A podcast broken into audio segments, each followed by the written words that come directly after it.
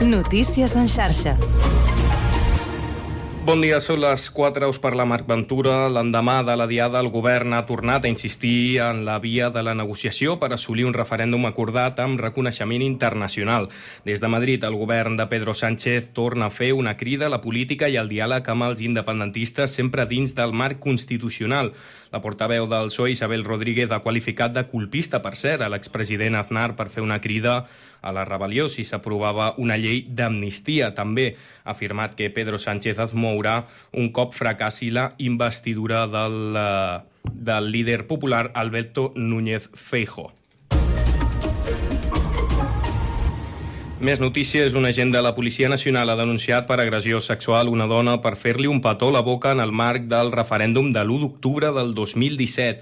Els fets van tenir lloc a la Via Augusta de Barcelona davant els serveis centrals del Departament d'Educació en la denúncia presentada sis anys després dels fets i en ple debat sobre el petó de Luis Rubiales a Jenny Hermoso. La gent ha relatat que el petó es va produir de manera sorprenent i no consentida i un eh, mínim de 100.000 infants estan patint els efectes del violent terratrèmol que va sacsejar el Marroc la nit de divendres, segons UNICEF, una xifra esferraïdora que s'afegeix a les prop de les 3.000 víctimes mortals i 3.000 de ferides que, segons dades, encara són molt provisionals. Ens han deixat el fenomen sísmic de més intensitat que ha sacsejat el país des de 1960. Mentrestant, des d'aquí, els ajuntaments i comunitats marroquines continuen organitzant-se per enviar ajuda a les zones afectades. Més notícies de successos. Els Mossos d'Esquadra continuen investigant l'atropellament mortal de tren a Montmeló, on van morir quatre joves i tres més van resultar ferits. Els fets van passar quan el grup va travessar la via per un punt no autoritzat i amb poca visibilitat. Tant eh, la ministra de Transport, Raquel Sánchez, com l'alcalde de Montmeló, Pere Rodríguez, coincideixen que l'accident es podria haver evitat. Els joves es dirigien a un festival de música electrònica que es feia a l'exterior del circuit de Catalunya. I més successos, el jutjat deixa en llibertat la detinguda per l'atropellament mortal d'una ciclista de 21 anys a Girona. El jutge, però, li imposa l'obligació de personar-se periòdicament al jutjat i retira el passaport i prohibeix sortir del territori. La causa està oberta per un homicidi per imprudència i conducció sense permís. L'accident va tenir lloc aquest dissabte. I més successos a Olot, un home de 50 anys ha mort aquest matí després de caure d'una vestida mentre treballava. Per motius que s'estan investigant, el treballador, operari d'una empresa de construcció, ha caigut d'una vestida d'una altura d'uns 5 metres mentre feia tasques de reparació. El treballador ha estat evacuat amb un helicòpter medicalitzat fins a l'Hospital Josep Trueta de Girona en estat crític, on ha perdut la vida uns minuts després. Més notícies pel que fa als telèfons mòbils intel·ligents amb cobertura a la demarcació de Barcelona rebran un missatge de prova del sistema d'alertes de protecció civil de la Generalitat. L'assaig tindrà lloc aquest proper dijous al matí a les comarques del Barcelonès, el Vallès Oriental, Vallès Occidental, Maresme i Baix Llobregat i serà el de major abast de població que s'han fet fins ara a Catalunya. I 4 anys eh, de presó, 8.640 euros de multa i 6 milions d'euros d'indemnització a un banc. És la petició de la Fiscalia contra l'extenista Aranxa Sánchez Vicario i el seu exmarit. Notícies en xarxa. 4 i 4 minuts. Comença el Connectats.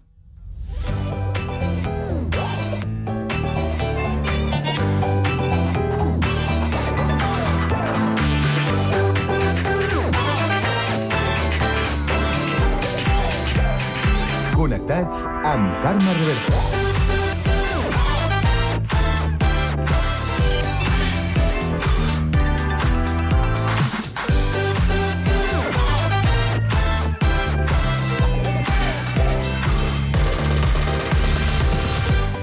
Molt bona tarda, salutacions i benvinguts a la sisena temporada del Connectats, el magazín de tarda de la xarxa que fem Ràdio Sant Cugat, Ràdio Sabadell, la Ràdio Municipal de Terrassa, el Prat Ràdio, Ràdio Ciutat de Badalona i Ràdio Castellà.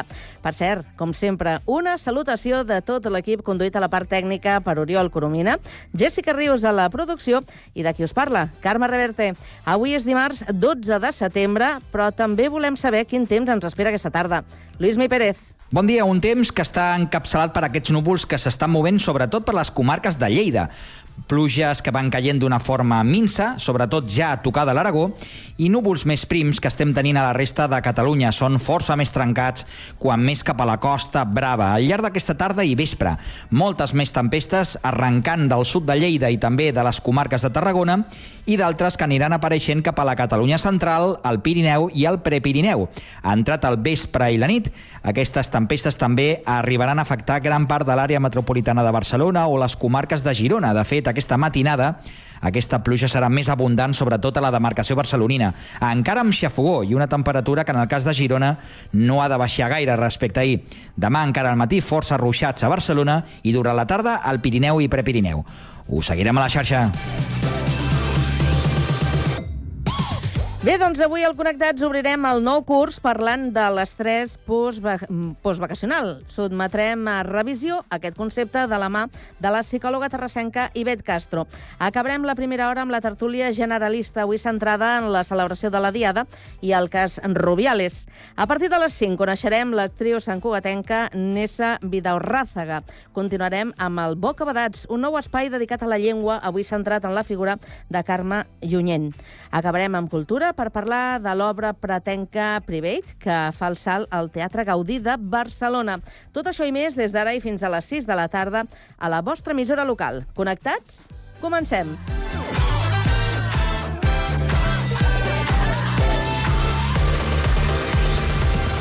Connectats amb Carme Reverte.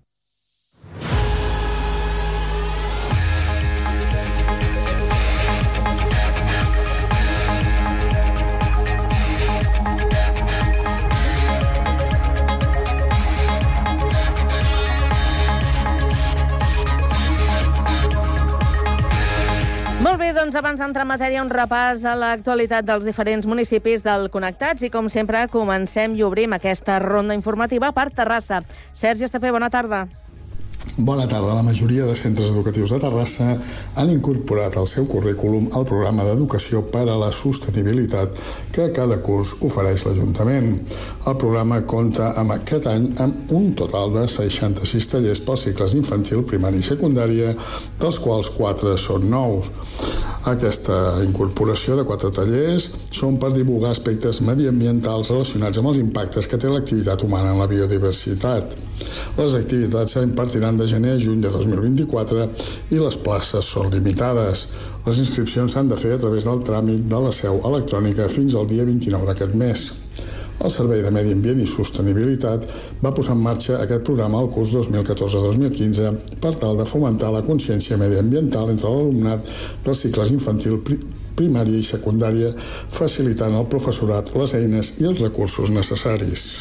Gràcies, Sergi. Continuem el repàs ara per la cocapital a Sabadell. Avui que és notícia. Pau Duran, bona tarda. Bona tarda. El nombre de morts pel terratrèmol del Marroc ascendeix a 2.862, per sobre els 2.497 que s'havien notificat en el darrer balanç, i la xifra de ferits ha arribat a 2.562, segons les últimes informacions facilitades pel Ministeri d'Interior del país a les 7 de la tarda d'aquest dilluns.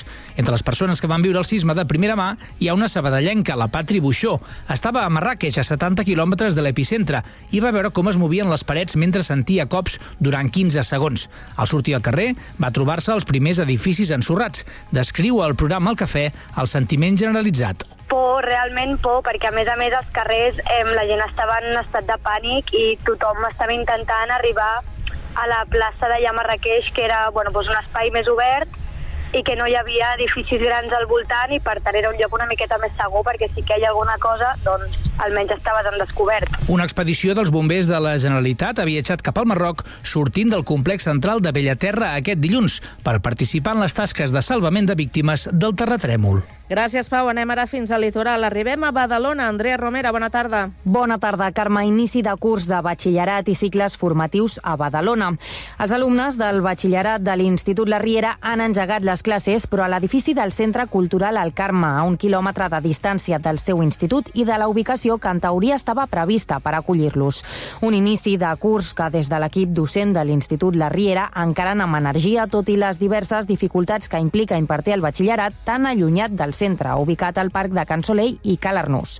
El principal inconvenient, però, és adequar els horaris dels professors tenint en compte que els dos edificis els separen 15 minuts a peu.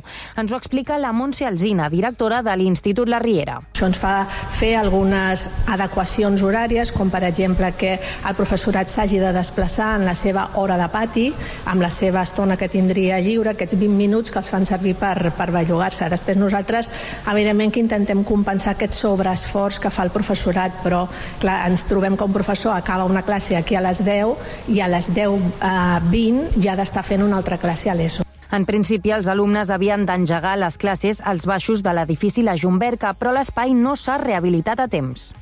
Gràcies, Andrea. Tornem al Vallès, en aquest cas a Castellà. Rocío Gómez, bona tarda. Bona tarda. A Castellà del Vallès vivim avui l'última jornada de Festa Major, una celebració que va començar dijous passat amb l'acte de la medalla de la Vila títol pòstum per al catedràtic en física Albert Cornet, que a més a més va ser president de la colla de Vall de Gitanes de Castellà del Vallès i va ser jugador de la Unió Esportiva Castellà. Ha estat una festa de cinc dies marcada per la recuperació del seguici popular i l'engalanada jornada de carrers amb concerts com el de Manuel Fuentes, Lil Dami, La Central i la Marca Banda o el tribut Back to Amy i moltíssima cultura popular.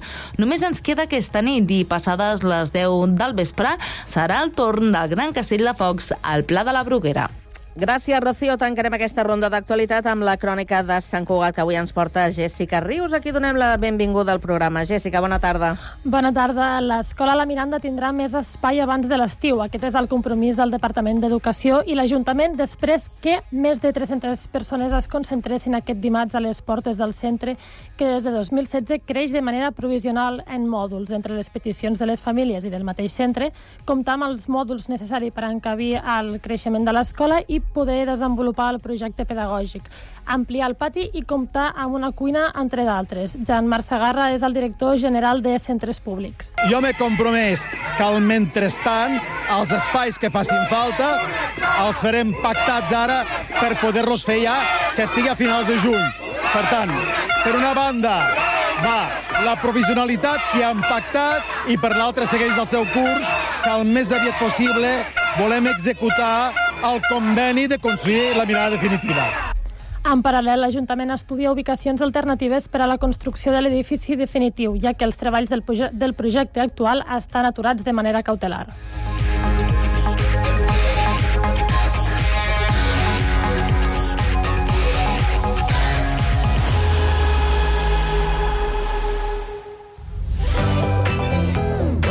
Connectats una experiència radiofònica a Sabadell. Ràdio Sabadell, 94.6. Terrassa. Ràdio Municipal de Terrassa, 95.2. Sant Cugat. Ràdio Sant Cugat, 91.5. El Prat. El Prat Ràdio, 91.6. Castellà. Ràdio Castellà, 90.1. I Badalona. Ràdio Ciutat de Badalona, 94.4. Cada tarda de 4 a 6, connectats.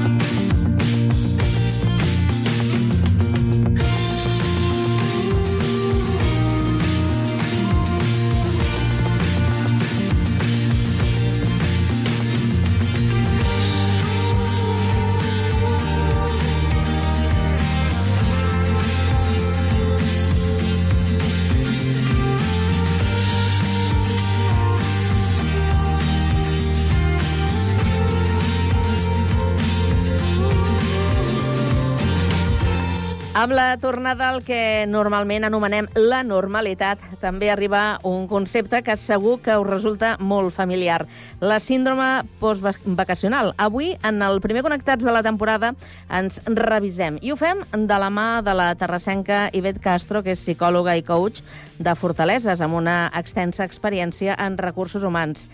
Ivet, bona tarda. Molt bona tarda a tots. Què tal, com estàs? Molt bé, aquí vol, uh, encantada de compartir amb tots vosaltres una estona i compartir tot allò que us pugui facilitar doncs, eh, prevenir o gestionar aquest síndrome postvacacional. Perquè, a veure, comencem eh, per, per saber si això realment existeix. És veritat que hi ha gent que pateix aquesta síndrome o és una qüestió que mm, ens la hem acabat d'inventar, no sé, per justificar alguna cosa? Existeix, existeix perquè hi ha estudis que s'han eh, realitzat, dels quals doncs, es poden obtenir qui, qui, quin és el seu significat, quina és la seva sintomatologia i quines són aquells consells que, que permet per prevenir i gestionar aquest síndrome postvocacional. Així que sí que és eh, real, com la vida mateixa, i també eh, al ser alguna molt natural i degut a, a les gestions de, del canvi es pot modificar i no viure amb tanta intensitat. Mm -hmm. eh, comencem per definir exactament què seria la síndrome postvacacional. També es coneix com a estrès postvacacional o depressió postvacacional, tot i que a mi m'agrada més la síndrome, i al final és una resposta, una resposta natural al canvi. Vale? És una resposta tan emocional i física que experimenten algunes persones al tornar a la feina després d'un període de vacances. Mm -hmm. Eh, però m'imagino que això afecta més, sobretot quan el període vacacional és, és més llarg, eh, que, que ens acomoda d'alguna manera un ritme eh, que no és l'habitual i, per tant, a, aquesta dificultat no? de tornar a recuperar eh, el, el ritme de, del curs. És més probable que com més dies, més setmanes gaudint d'aquestes vacances, doncs pugui ser o no més dificultós realment la diferència és en com ho gestiona, com viu la persona i com aquesta sintomatologia és intensa o no. Mm -hmm. Deixa'm que saludem el nostre company Sergi Estapé. Sergi, bona tarda. Què tal? Com portes aquesta síndrome? Jo, a mi no m'ha afectat mai, però bé. No. No, sé. no, no és per ser molt xulo, però mai... Uh, com que tinc tanta feina, no tinc temps per pensar si m'afecta o no m'afecta. Doncs així que problema així que problema, uh, no, no, no te la trobaràs. Eh, amb la Ivet eh, parlem d'aquesta situació doncs, que, que certament afecta doncs, a, a algunes eh, persones i per això jo deia al principi ens revisem perquè mm, molt o poc eh, la majoria de persones han tingut un temps de, de descans, unes petites vacances o unes més llargues vacances i, per tant, aquesta recuperació, aquest retorn a la rutina, d'alguna manera l'hem de tornar a encaixar no? en, en la nostra vida. Ens assegurava la Ivet que, que sí, que això realment eh, existeix i estàvem definint com, eh, com, com es coneix aquesta síndrome. Però, Ivet, eh, uh mhm. -huh. què, què és el que, el, el que produeix aquesta síndrome, aquesta sensació, aquesta resposta natural? El que produeix és que les persones, per exemple, que són molt perfeccionistes, que a l'hora de la tornada volen rendir al mateix nivell o més i poder-se treure tot aquest eh, volum de feina. Quan tornem a la feina doncs tenim coses pendents. I també persones que no desconnecten. Així que, Sergi, cuidado, això va per tu. Ull, el fet de que tu has dit, no, és que jo sempre estic enfeinat, doncs poder el fet de que tampoc desconnectis eh, pugui facilitar. Després hi ha, òbviament, uns símptomes eh, molt comunes que, que poden ajudar a detectar si un està vivint o no, tot i que no desconnecti i, o tingui molt de, de volum de feina, com deia el Sergi. Mm. I quins serien aquests símptomes, aquests, els principals? Mira, el primer de tot és el, el principal o el més comú és la fatiga. Vale? És un dels eh, símptomes més comuns és per aquesta sensació d'esgotament. Vale? Fins i tot després d'haver tingut aquest descans prolongat, és el tornar, és l'adaptació al ritme de treball que pot ser, per, depèn de quina persona, aclaparadora. Després tenim la irritabilitat. Vale? La tornada a la rutina doncs, ens pot provocar aquest mal humor, ja que també ens enfrontem a una pressió, una responsabilitat laboral de nou, que aquí el que hauríem de reflexionar, valorar i analitzar si aquestes pressions venen donades de l'organització de l'empresa o són autoimposades d'un mateix. També te podem parlar de la tristesa i l'ansietat, que algunes persones poden experimentar aquests símptomes de tristesa i ansietat a causa de l'anticipació de les demandes laborals i la separació de la vida relaxada de les vacances. O sigui, a l'adelantar-nos els conceptes, el eh, crear escenaris que és molt probable que no succeeixin, però que ja ens creen aquesta angoixa. Després també tenim la manca de concentració en el treball, que pot eh, veure afectada, el que dificulta, òbviament, a la productivitat i a la presa de decisions. I, per últim, com a símptoma, hi hauria l'insomni o els canvis en el son, que pot haver-hi dificultats per conciliar el son o mantenir un patró degut també a aquest, eh, donar-li voltes, entrar en bucle amb el tinc que el dia següent, que fer, deixar de fer, o el que eh, crec que esperen de mi com a professional. Ha quedat clar, no, pregunta que Sergi? Sempre... Sí, sí, m'ha Sí, quedat no? clar. Jo, de totes formes, penso que hi ha gent que fa, que fa vacances tot l'any, però bueno, no, no, no apuntarem a cap col·lectiu. Això és un altre tema. Escolta'm una cosa, i, i, i, i una pregunta que sempre m'he fet. Això només passa a l'estiu o pot passar a les vacances de Nadal o altres? Pot passar sempre i quan, com deia a l'inici, depenent de la persona de com ho visqui. Aquesta, aquesta resposta emocional i física, si és molt intensa, no és tan relacionat que té que veure el, el, lo prolongat o no les vacances, sinó tu com ho vius. Per tant, el Nadal o Setmana Santa, eh, la gent al tornar de vacances també pot eh, patir aquest síndrome postvacacional, però sí que és cert que sobretot es parla quan tornem de vacances d'estiu. I una cosa, eh, és, és, eh, hi, ha, un tipus de públic, jo que sé, o edats, o, o... Saps què vull dir? O sigui, hi ha una edat sí. o, o et pot passar a qualsevol edat? No hi ha cap distinció ni de gènere, gènere ni de sexe, ni d'edat, ni de rol professional. Això ho podem eh, patir qualsevol de nosaltres. Mm -hmm. Al final dependrà molt, el que deia també abans, és el, el perfil de personalitat, aquestes persones que són molt perfeccionistes, que volen començar des de l'inici de la tornada amb el mateix nivell de, de, de resolució i de, de resposta que quan va marxar de vacances, eh, i les persones, sobretot, que també de, no saben desconnectar, el que es diu molt, que en anglès molt a més, el workaholic, doncs la gent que, que només pensa en treballar, treballar i que també els hi costa desconnectar, doncs serien un tipus de, de personalitat o, o, de fer les coses més propenses a, patir o a tenir una tendència a preocupar-se excessivament pel seu treball i les responsabilitats laborals que podrien ser més, sobretot la paraula, és més susceptibles, independentment de la, seria la posició de la jerarquia en, en una empresa. I, I Bet, entenc que no sé si seria recomanable o no, a l'hora d'intentar prevenir un eh, síndrome d'aquest tipus, sabent i coneixent-nos eh, com reaccionem davant d'aquestes eh, situacions, fer com eh, o, o, una mena d'adaptació, no? Com eh, fan els escolars quan comencen el curs. És a dir, no, no haver de començar la setmana treballant, per exemple, en dilluns, si, si, es, si, si es pogués triar, no? i fer-ho eh, més esglaonadament, eh, començar un dijous o un dimecres, de manera que de seguida ja tornes a tenir un descans i, i així, ni que sigui mentalment, ja et vas preparant, no? Totalment. Aviam, això igual que com a individus, persones, ens hem de responsabilitzar de nosaltres mateixos, de com gestionem aquesta tornada al col·le, vale? també com tu deies, al final també hi ha una responsabilitat per part de l'empresa i el que has proposat és algo que és interessant, que en algunes empreses eh, s'està posant a la pràctica i és aquesta flexibilitat laboral.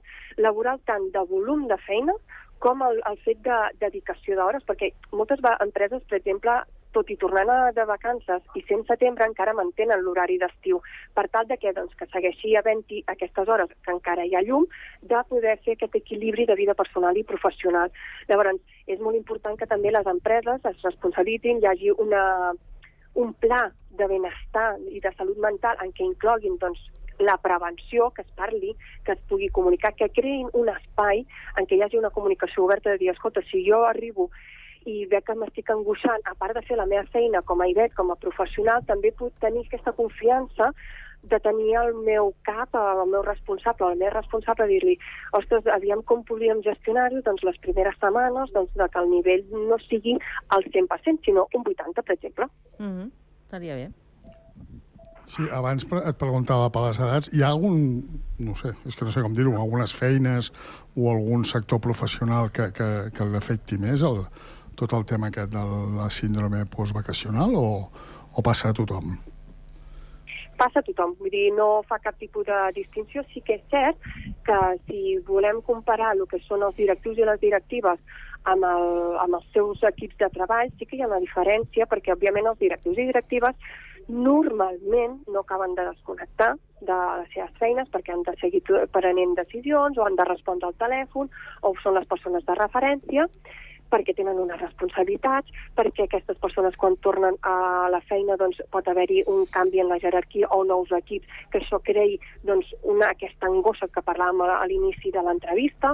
Llavors, no hi ha distincions, tot i que el, si tu tens més responsabilitats, tens més números, a ser susceptible a patir. Tot i que mm-hmm. no és el, el motiu central torno a repetir que el motiu central de que una per persona ho, vi ho visqui d'una manera, manera o una altra és com com ho pensa, com ho reflexiona, com s'enfronta a aquest canvi. Al final és això, és el canvi. Si per nosaltres el canvi d'estar eh, doncs, amb, sense hores, perquè dinem a qualsevol hora, anem a dormir a qualsevol hora, i ara tenir que tornar a aquesta rutina més marcada d'horaris de laboral, d'horari de menjar, que si hi ha nens o no hi ha nens, doncs això ens pot eh, mm, angoixar molt més i el que necessitem és aprendre a gestionar aquest estrès i aquest canvi tot i que sabem que ja segons estudis eh, neurocientífics i la neuropsicologia, de que el cervell ja per ser hem de ser conscients que no li agrada els canvis. Perquè el cervell està creat des de fa segles i segles i segles per la nostra supervivència. Llavors, aquests canvis, per això moltes vegades també per contra ens costa a vegades poder eh, adaptar-nos a les vacances. Mm -hmm. I, i tu que, ets, que tens experiències, has estat molts anys a, a, a treballant a recursos humans, estàs especialitzada, treballes en molta empresa. L'empresa és conscient eh, de, de que això ho afronta com, o com veu, que, quina visió té del treballador que, que, que pateix aquesta síndrome?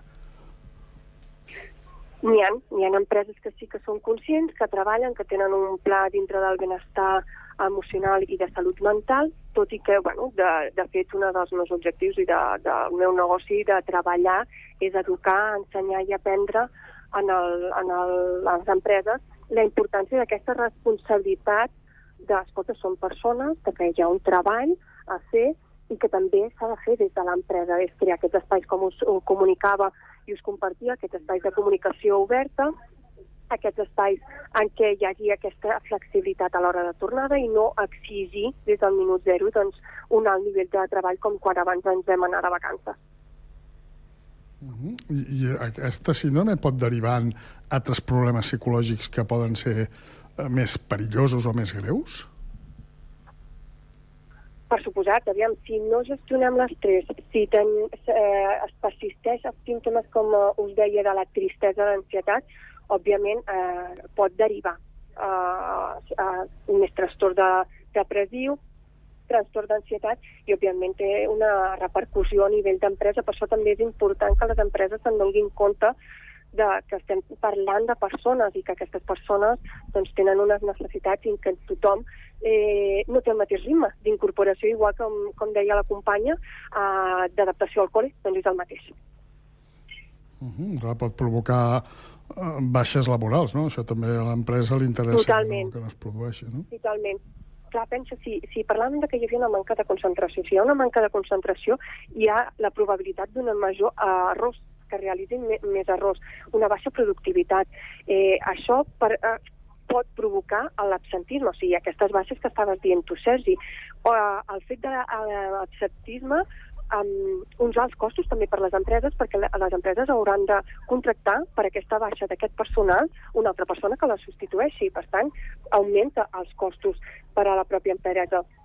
I al final és, és important la imatge que si hi ha una alta rotació de personal perquè no es cuida a les persones, només s'exigeix número, números, productivitat, això repercuteix també en, la, en el que puguin dir d'aquella empresa i és tornar al mateix alta rotació, el, sempre contínuament en els processos de, de selecció, el procés d'adaptació de les noves incorporacions, però també dels que ja estan treballant i porten temps, de que s'han d'adaptar i han de ser, tenir un temps formant a les noves incorporacions. Vull dir que és molt més complexa i al final és una red i, i tots tenim la nostra part i la nostra responsabilitat i compromís de que això no succeeixi.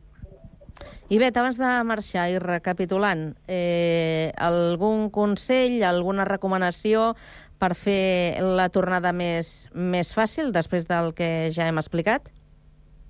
Sí, oh, i tant que sí. És molt important la planificació i anticipació. Òbviament, ara ja estem tots que ja hem tornat al col·le, i tot i així, per a pròximes vegades, doncs sabem que me, almenys una setmana abans doncs, tornar aquests hàbits d'horaris d'alimentació i horaris de son, vale? perquè es vagi acostumant a dormir les 7-8 hores, que és el eh, recomanable per, per tal de que puguem estar descansats.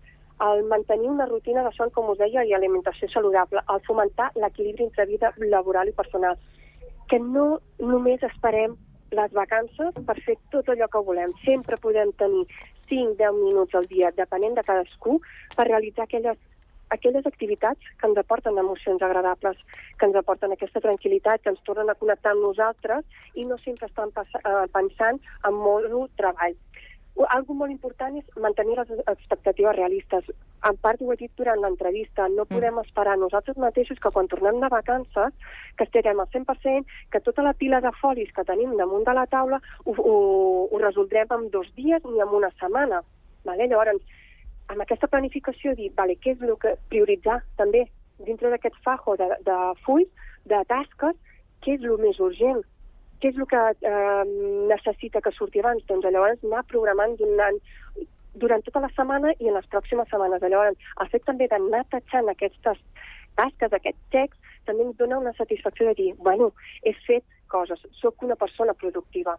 Establir metes a curt termini està molt relacionat amb el que estava comentant ara mateix. No podem pretendre de que estiguem al mateix nivell, de, de poder respondre uh, igual que abans de, de vacances l'exercici físic i l'activitat a l'aire lliure que venim de les vacances de realitzar-ne molt. No podem anar de 0 a 100 en, en, en, res, en, en aquest sentit.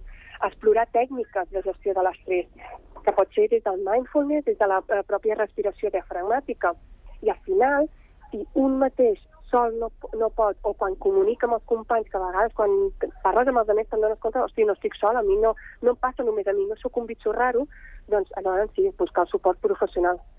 Clar que sí, doncs eh, hem pres bona nota. Eh, Ivet Castro, psicòloga i coach, eh, moltíssimes gràcies per venir a l'estrena del Connectats en aquesta sisena temporada i, sobretot, no ens estressem, no ens atabalem, anem a poc a poc, a poc a poc i bona lletra, i, com diuen els italians, piano, piano, si va lontano. Gràcies, Ivet, que vagi molt bé la tarda. Igualment, un plaer. Abraçada. Igualment. Adéu, Sergi. Adéu. Adéu.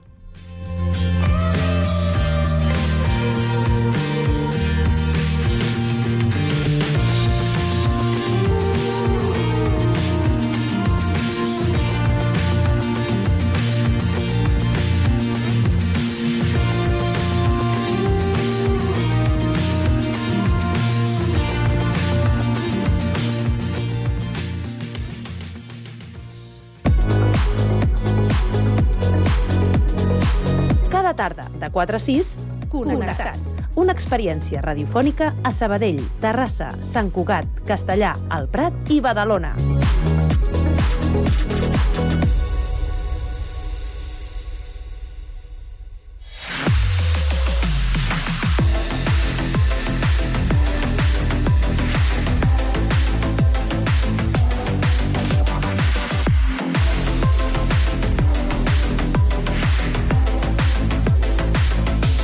Passen 3 minuts de dos quarts de 5 de la tarda. Estrenem sintonia també avui per eh, donar pas a la nostra tertúlia del Connectats. I avui, dimarts, toca tertúlia generalista. Anem a saludar els nostres tertulians. Xavier Soleil, director de la residència de gent gran de Santa Coloma. El tenim a Badalona. Xavier, bona tarda. Hola, molt bona tarda. Amb síndrome postvacacional o no?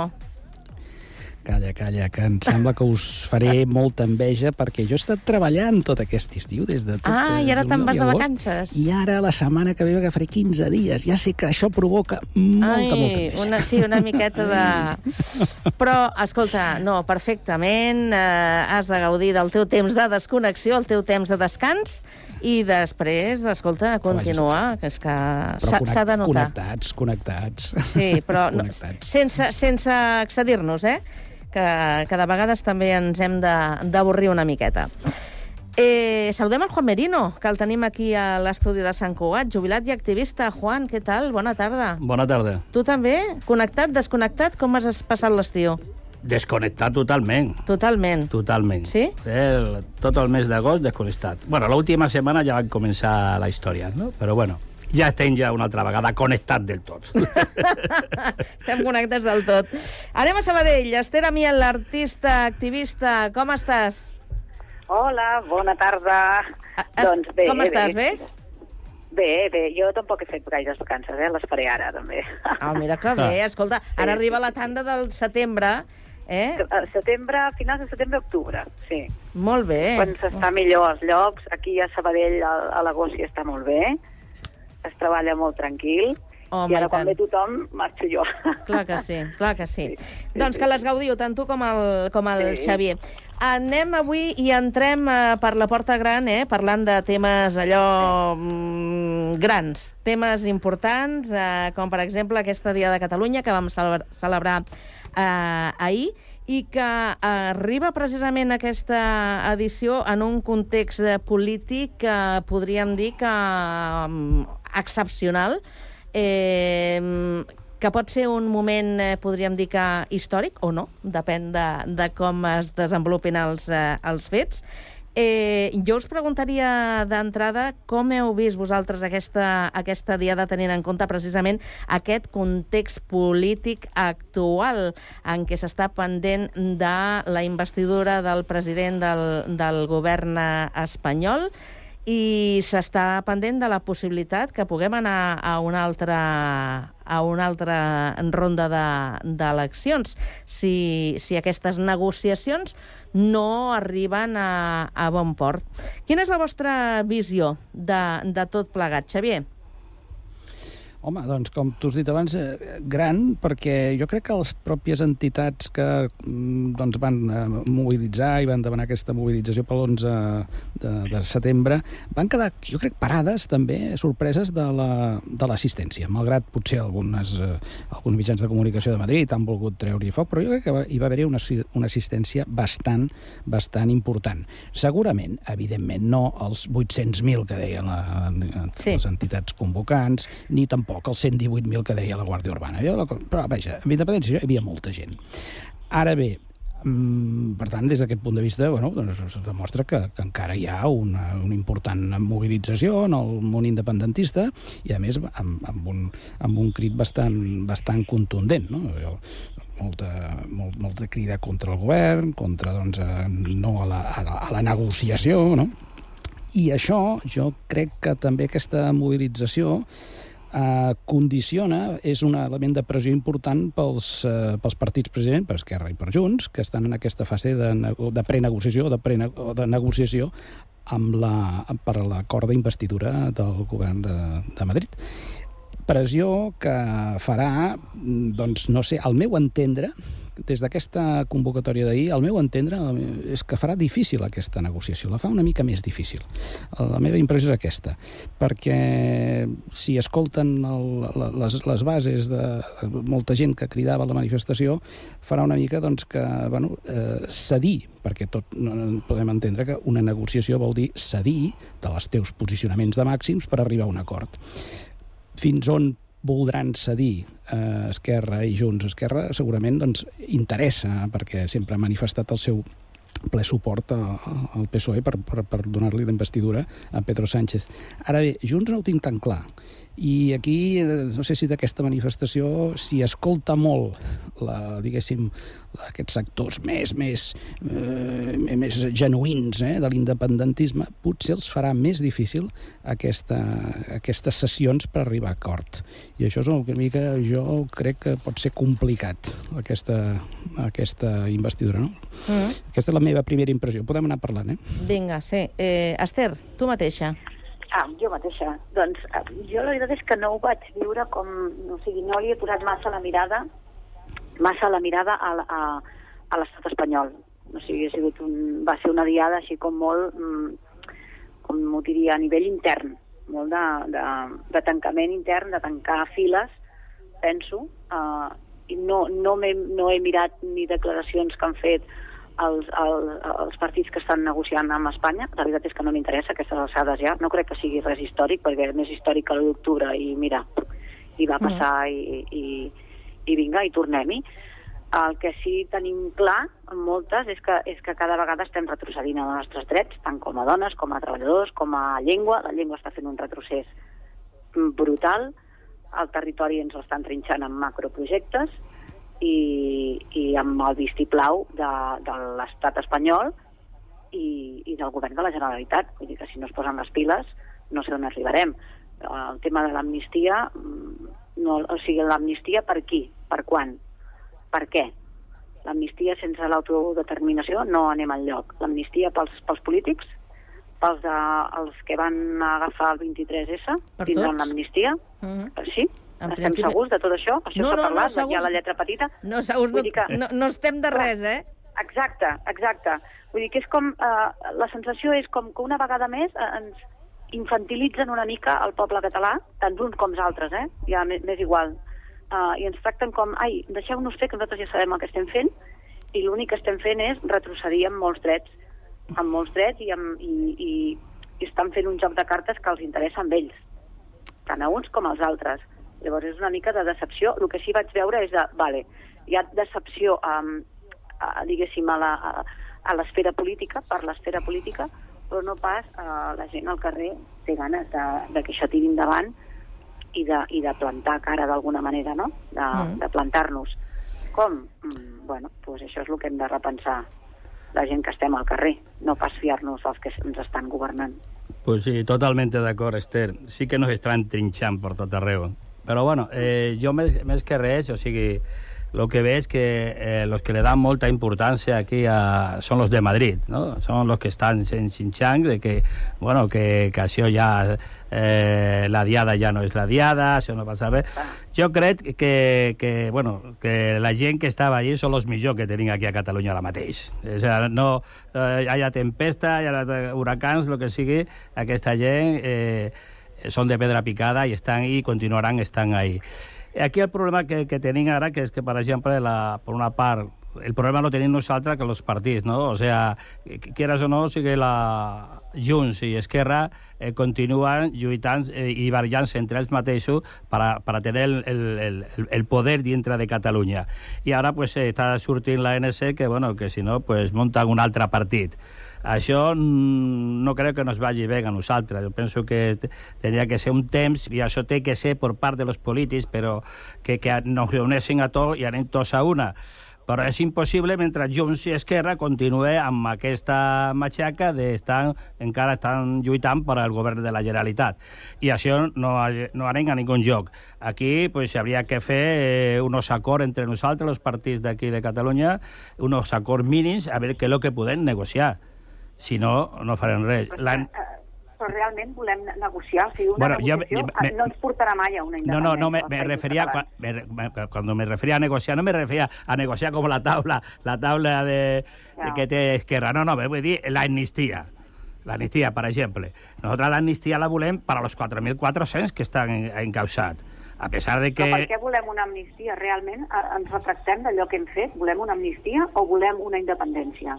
De, de, de l'estat espanyol. Oi. Vull dir que ne negociar una, una amnistia és reconèixer el poder de l'estat espanyol sobre el poble català. Vull dir, no li trobo... Bueno, jo és que... Jo, si realment jo, jo, estoy, jo, una... jo estic per l'amnistia, jo estic per l'amnistia, però jo no, jo no crec que nosaltres tinguem ara en condició Eh, en el 17 sí que crec que estaven en condició, però ara no crec que estén en condició d'arribar a una amnistia, o sea, una independència així de cop. Y el, y, el, y el referéndum yo lo veo una mica que, que tendrían que apretar, el poble tendría que apretar molt i els partits tenien que tots unir perquè el referèndum sortís endavant, si no, no crec, eh? De Deixeu-me que pregunti així, curti ras, molt ràpid. Eh, què penseu? Eh, anirem a unes noves eleccions o hi haurà investidura? Per què aposteu? Mira, jo crec que a la vista d'aquesta dificultat que hi haurà per part de, diguéssim, de cedir, i insisteixo, perquè en una negociació s'ha de cedir, jo molt em temo que sí que estarem davant un període, de, uh, un escenari de noves eleccions en pocs mesos perquè, a veure, no ens enganyem. Mireu, Junts eh, va perdre les últimes eleccions eh, quasi 140.000 vots. En el 2019 en tenia 530.000 aproximadament, ara en té 390. Esquerra Republicana va perdre el, quasi el 50%, tenia 876.000, ara en té 4, n'ha tret 462. Sí. 462.000. Eh, això és quasi un 50%. Eh, els resultats i la pèrdua de vots pesa molt, pesa molt si eh, després les sessions que s'han de fer per a aquest acord d'investidura implica, doncs, lògicament, el risc que doncs, hi hagi una, una, una de les dues forces, bé, sigui, junts que es consideri doncs, eh, més, més genuí, a veure qui és el que aguanta més la, la, aquesta, aquesta puresa de l'independentisme, que aquí és una mica el que ara Junts s'ha vestit la curassa, o bé doncs, Esquerra doncs, eh, doncs, prefereix doncs, anar a aquest acord sabent que això li pot tornar a passar factura a les urnes. Per tant, aquesta és una, aquesta és una situació, un escenari complicat. I després, per altra banda, hem de, no podem oblidar que a, a Madrid també el PSOE pot arribar, potser, arribar potser a, a, a vestir alguna cosa que s'assembli a l'amnistia. La, Evidentment, per fer possible que aquestes, aquests 4.000 encausats, o que poden estar encausats pels fets tant del 2014 com del 2017, doncs eh, puguin ser, eh, evidentment, doncs, pugui, puguis fer-se taula rasa. Ara bé, eh, tindran una pressió molt bèstia, ja ho estan veient a, a aquests dies, una pressió molt bèstia al carrer, i això també, doncs, bueno, el PSOE ho, ho, ho valorarà. És a dir, aquí, i a més a més, sí, a més a més, el president Puigdemont diu, escolta, no, aquí volem pagar per endavant, o sigui, volem l'amnistia abans que res. Home, això jurídicament es fa molt difícil de, de, de, de fer possible. Una amnistia així, pim-pam-pum, no és fàcil, no m'hi a més, quan pot haver-hi a darrere una, que te les tombin ràpidament immediat al Tribunal Suprem o al Tribunal Constitucional. Per tant, tampoc no anirem enlloc. Si s'han de fer les coses, s'han de fer ben fetes per intentar, insisteix, jo crec que és positiu demanar l'amnistia per fer taula rasa, sense que impliqui allò que ningú se senti que baixa el cap eh, i que se sotmet a un altre, no senzillament, perquè si, si hi ha aquest sentiment, busquem aquesta raó per què hem de fer l'amnistia i hem de considerar que això significa una, abaixar el cap o un, o, o, o que un sotmetiment, això mm, molta gent no ho acceptarà. Ara, mm, insisteixo, jo ho veig complicat eh, i a més amb aquest, si, si anem amb aquests extrems i no cedim, arribar a cap acord. I després què passarà? Bueno, doncs que les properes eleccions si no hi ha acord per aquesta investidura, és possible que tinguem aquí un PP Vox amb, amb tota la seva... I, i s'ha acabat. Vull dir que aquí vull dir, ni, ni fem la independència ni fem res de res. Ara, potser això és el que algú busca, el que quan més pitjor vagi, molt millor pels interessos de, de l'independentisme. Potser sí que algú busca això. Jo personalment dubto que això que sigui la, la, la millor via. Vinga, el, el Xavier ja uh, s'ha sí, pronunciat bueno. al respecte més favorable a les eleccions, favorable en el sentit que no, no, jo, ho veu jo, més en, jo, no, no, en aquest, jo, jo, amb aquest no, final, no? Eh? No m'agrada. No, ja, ja, ja. Jo, ja, crec, ja. jo crec que anar a una altra elecció nos perjudicaria a nosaltres. Tu per què apostes? Jo, per eh, llegar a un acord per a l'amnistia i fer les eleccions ara. Val. O sea, que, que surti ara el, el govern, no fent eleccions. Sí, sí. Les eleccions són malament. I l'Ester què aposta? Ras i curt. Dui. Uh, negociaran. Dui. Negociaran. Negociaran? Ne negociaran, negociaran sí. i, i hi haurà govern. Sí. Ah, sí. Gobierno, vaja. El gobierno d'Espanya. bueno, no, sí. que vindran després, vendran les d'aquí, que no trigaran molt. Sí, sí. Molt bé, doncs estarem a l'espera, perquè, clar, aquí sí. ja, eh, de moment, bueno. encara no, no, no podem fer res més a ver, que, que veure quins són els moviments que, que es van produint al llarg de... A, a, a ver cuánto dura el parto y cómo sale.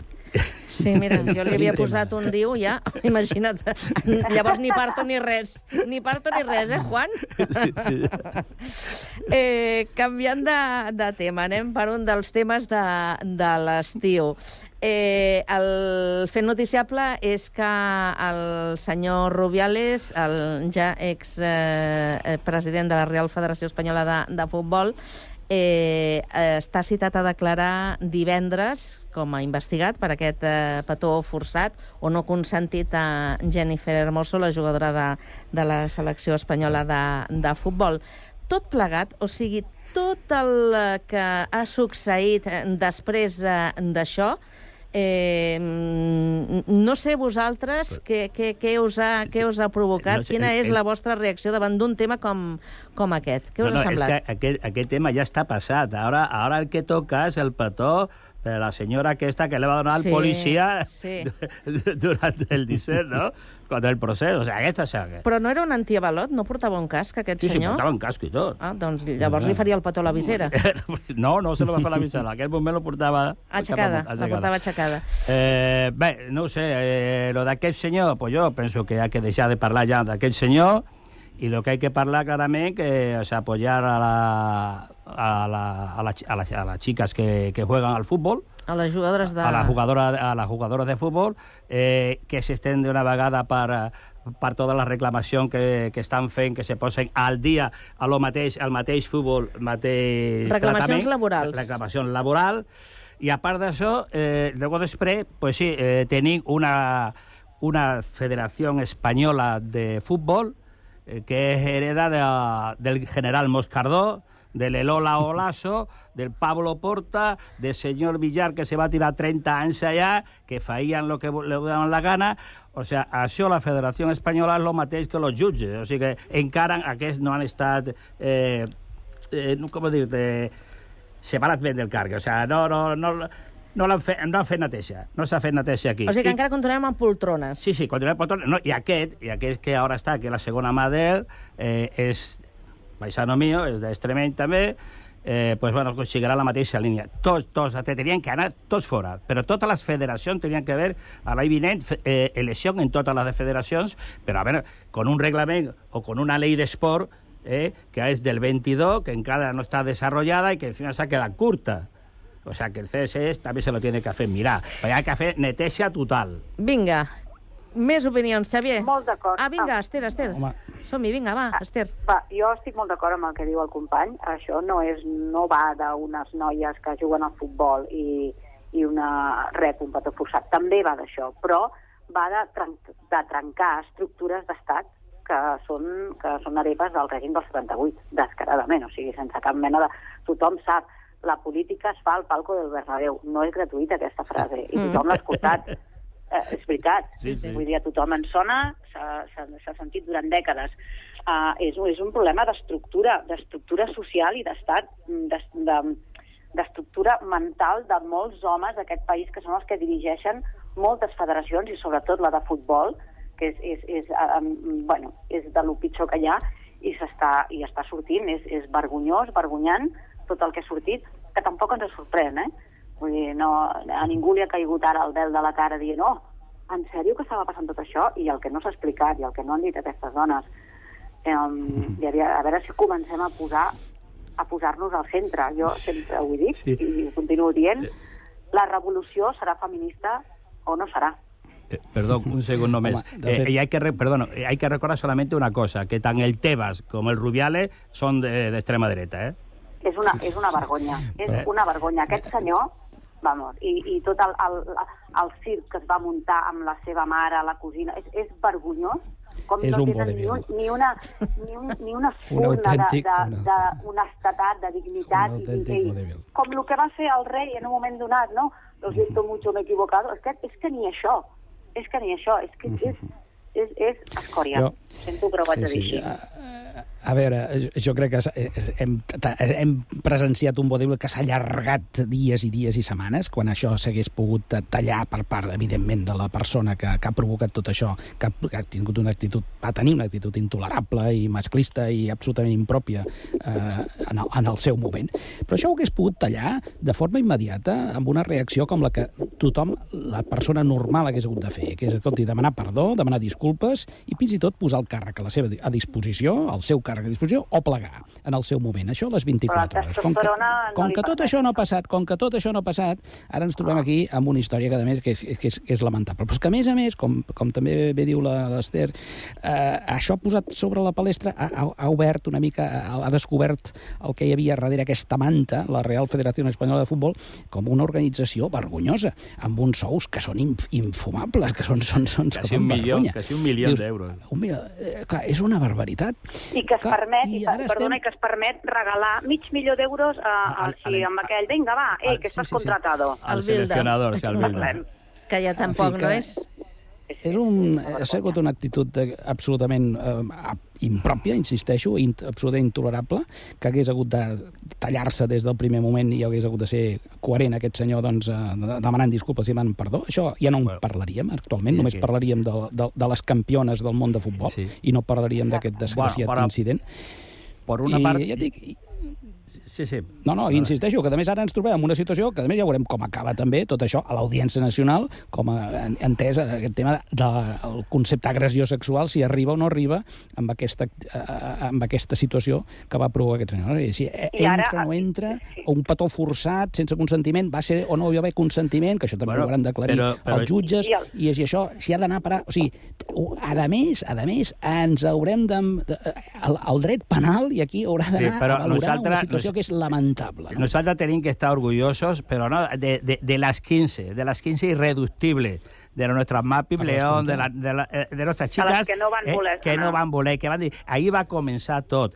I a lo millor, si, si aquell senyor hubiera demanat perdó per lo que havia fet, no hubiera passat el que ha passat ara. I ara tenim que aprofitar això i ha sigut, jo, per mi ha sigut positiu que això rebente d'una vegada ja eh, i se ponga la estructura a sobre que lo que hi ha aquí. Vinga, a fer-lo bé d'una vegada. Que, i, I el que deia el company ara, a més a més, aquesta dreta recalcitrant, sí l'extrema dreta aquesta ara, ens vol fer veure que fa sis anys també va haver una dona que va agredir que va, uh, que va sí, agredir sí, sexualment a, a un policia. A un... És que, en, sèrio, ens infantilitzen encara més a Clar, les dones. No, encara però, però... És com posar-nos més a la palestra, però de què? És que és, bueno, és, és, és, és l'escola... És del... riure-se'n a la cara. Sí, és l'escola que venia del Paquito, eh?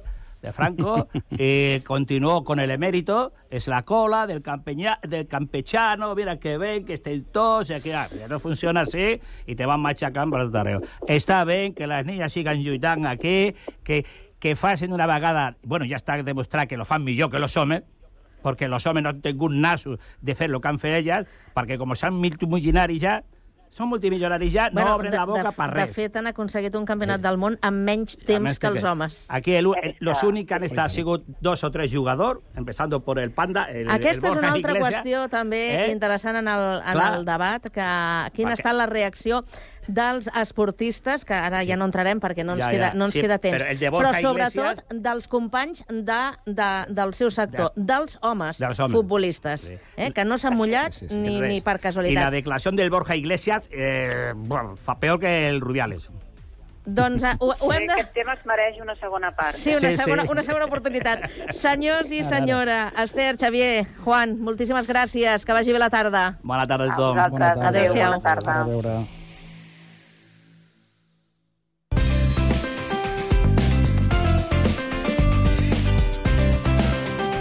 Ràdio Sant Cugat, Cugat Mèdia, 91.5 FM.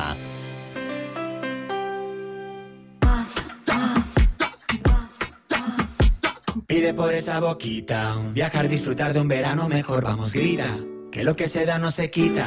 Tot el que li demanes a l'estiu, demana-li al nostre assessor i aconsegueix fins a 500 euros en un cupó regal del Corte Inglés i molt més. Consulten les condicions. Viatges al Corte Inglés. A Sant Cugat, Braseria La Bolera, el restaurant braseria situat al vell mig de la ciutat.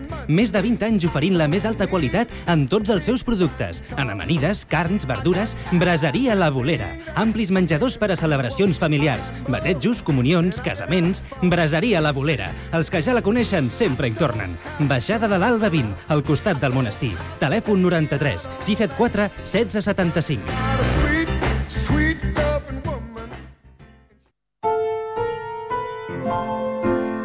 L'Associació Amants del Teatre i Ràdio Sant Cugat Cugat Mèdia t'apropen grans obres de la literatura a través de la oïda. Doncs aquesta té un cert tràfic... Vet aquí, ja volia dir jo. És una bogeria, una barbaritat. Et diré el meu nom a l'orella, escolta. Oh! La vídua es posa ràpidament al llit. Radioteatre amb obres de Jean Cocteau, Martí Boada, Robert Robert, Mercè Rodoreda, Pere Caldés o Anton Chekhov al 91.5 FM i a www.cugat.cat. Cada mes, els alumnes dels instituts Leonardo da Vinci, el Centre de Formació d'Adults i el Col·legi Pureza de Maria expliquen l'actualitat dels seus centres a Ràdio Sant Cugat. Els alumnes de primer d'ESO van fer una excursió el 18 d'octubre a un jaciment arqueològic. Doncs jo vull parlar sobre la inauguració del Punt Lila i el Punt Rainbow. També ens fan recomanacions. I el que m'agrada molt d'aquest llibre és que eh, a les pàgines es poden veure els correus. Ens diuen què els agrada. A mi m'agrada el Nadal en fred. Parlaré del que m'agrada que va sobre el meu esplai. I ens posen al dia amb la música que escolten. Jo he escollit eh, La gent d'estimo, que és de Oques Grasses. Quan somrius és Joan Tausà. No dudaria, Rosario. Els instituts santcugatencs a Cugat Mèdia. Els dijous a les 10 a Ràdio Sant Cugat i en podcast a cugat.cat i a Ull Crític.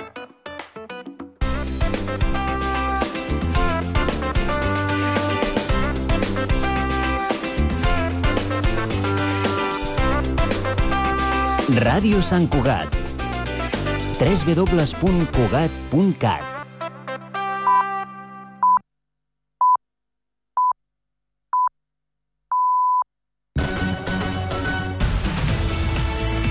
Ràdio Sant Cugat,